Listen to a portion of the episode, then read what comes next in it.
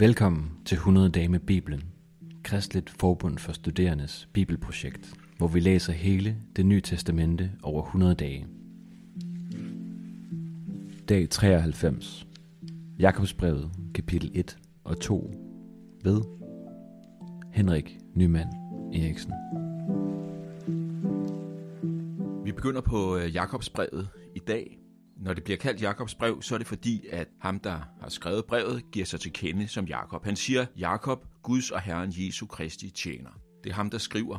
Og hvis vi så går til, øh, til det øvrige Nye Testamente for at finde ud af, hvem den Jakob kan være, så er det øh, mest sandsynlige, at det ikke er apostlen Jakob, som vi hører om, fordi han blev tidligt henrettet, øh, men at det er Jesu bror Jakob. Maria og Josef fik jo nogle børn efter Jesus var født. Vi ved fra evangelierne, at en af dem hedder Jakob.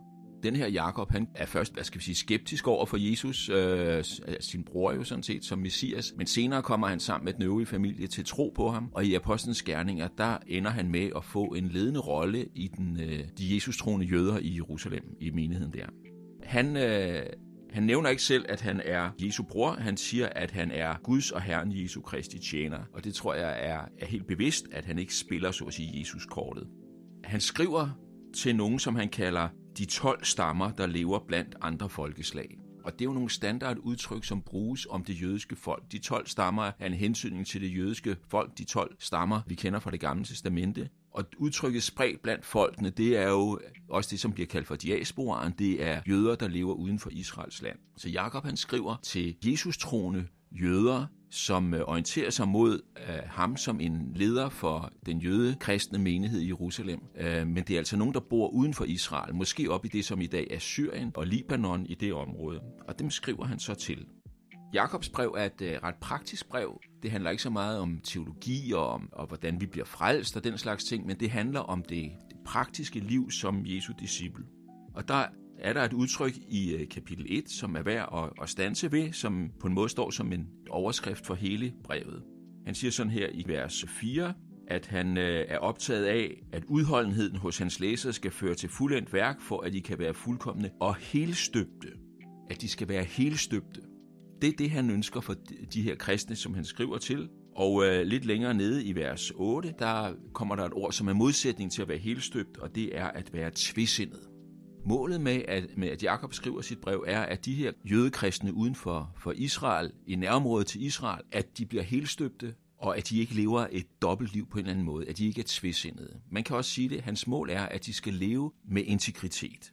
Det kommer til udtryk på en lang række måder. Når vi sådan læser videre i kapitel 1, så hører vi, at det har betydning for, hvordan man ser på sig selv. Om man er rig eller fattig, det er ikke det afgørende for ens identitet. Det har betydning for, hvordan vi forholder os til prøvelser og forskellige udfordringer nede i vers 12 og til fristelser. Så når vi kommer øh, hen i slutningen af kapitlet, så bruger han et billede, som er en nøgle til at forstå hans, øh, hans forståelse af det her med at leve med kristen integritet. Jeg læser vers øh, 22 og frem. Vær ordets gøre, ikke blot dets høre, ellers bedrager I jer selv.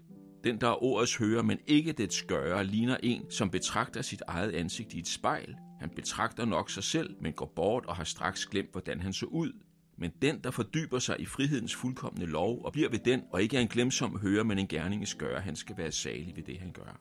Den her sætning, hvad ordet gøre og ikke blot det hører, kunne på en måde stå som en overskrift for hele Jakobs brev. Det er det, han er optaget af. Det er det, den her kristne integritet handler om. At vi øh, ikke kun hører det, men at det, vi hører, også omsættes i vores liv, i vores livspraksis. Og der bruger han et billede. Han taler om et spejl. Det er Guds ord, det er også evangeliet, frihedens fuldkommende lov, det han også kalder for sandhedens ord oppe i vers 18, og som det ord, som er blevet indplantet i jer, som kan frelse jeres sjæle, står der i vers 21. Det er at budskabet om Jesus er jeg ret sikker på, det er det, han hentyder til. Det er som et spejl. Og når vi kigger i det spejl, i Guds ord spejl, hvad ser vi så? Vi ser os selv. Vi ser også, hvem vi er i Guds øjne. Vi ser, hvem vi er som dem, der er født på ny til at være Guds børn, som har fået Guds ånd i vores hjerter, som har, øh, har modtaget det, Jesus han har gjort og, og er for os. Den der selvforståelse, det er jo vores identitet.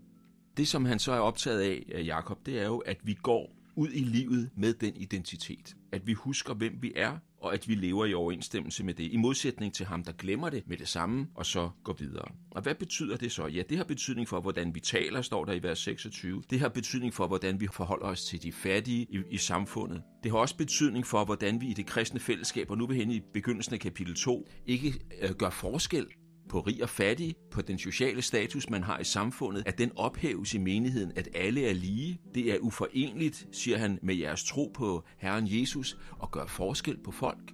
Det kommer man let til, det er der sket mange gange i kirkens historie, men, øh, men Jakob han insisterer her på, at hvis I skal leve med integritet som kristne, øh, med den identitet I har med, at I er født på ny, og at Jesus han er jeres frelser og herre, så, så nytter det ikke noget, at I gør forskel på folk. Og så kommer vi til slutningen af kapitel 2, et ret kendt afsnit om forholdet mellem tro og gerninger. Det er ret vigtigt at forstå det her afsnit i lys af Jakobs samlede anlæggende, nemlig at vi skal leve med integritet.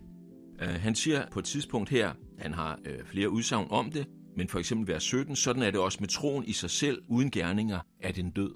Han er optaget af, at den tro, som, øh, som de her menighed, han skriver til, og de kristne, han skriver til, at den bliver omsat i et, øh, et konkret levet liv.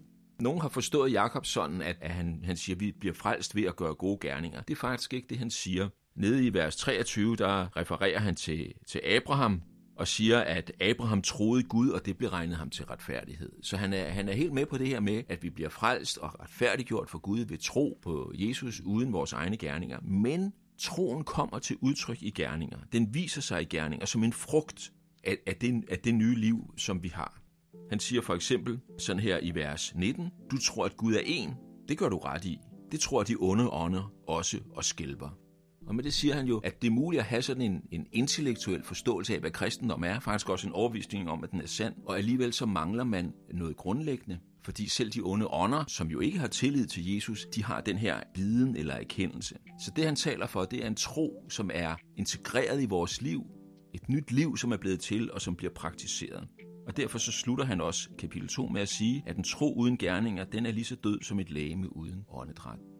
Han sætter det lidt på spidsen, men udfordringen den står der til os i, i dagens tekst fra Jakobs brev, at leve med integritet. Hvis du har lyst til at følge vores læseplan, eller har lyst til at støtte vores arbejde med at formidle Bibelen, så gå ind på kfs.dk 100-dage, eller følg linket i episodebeskrivelsen. Tak, fordi du lytter med.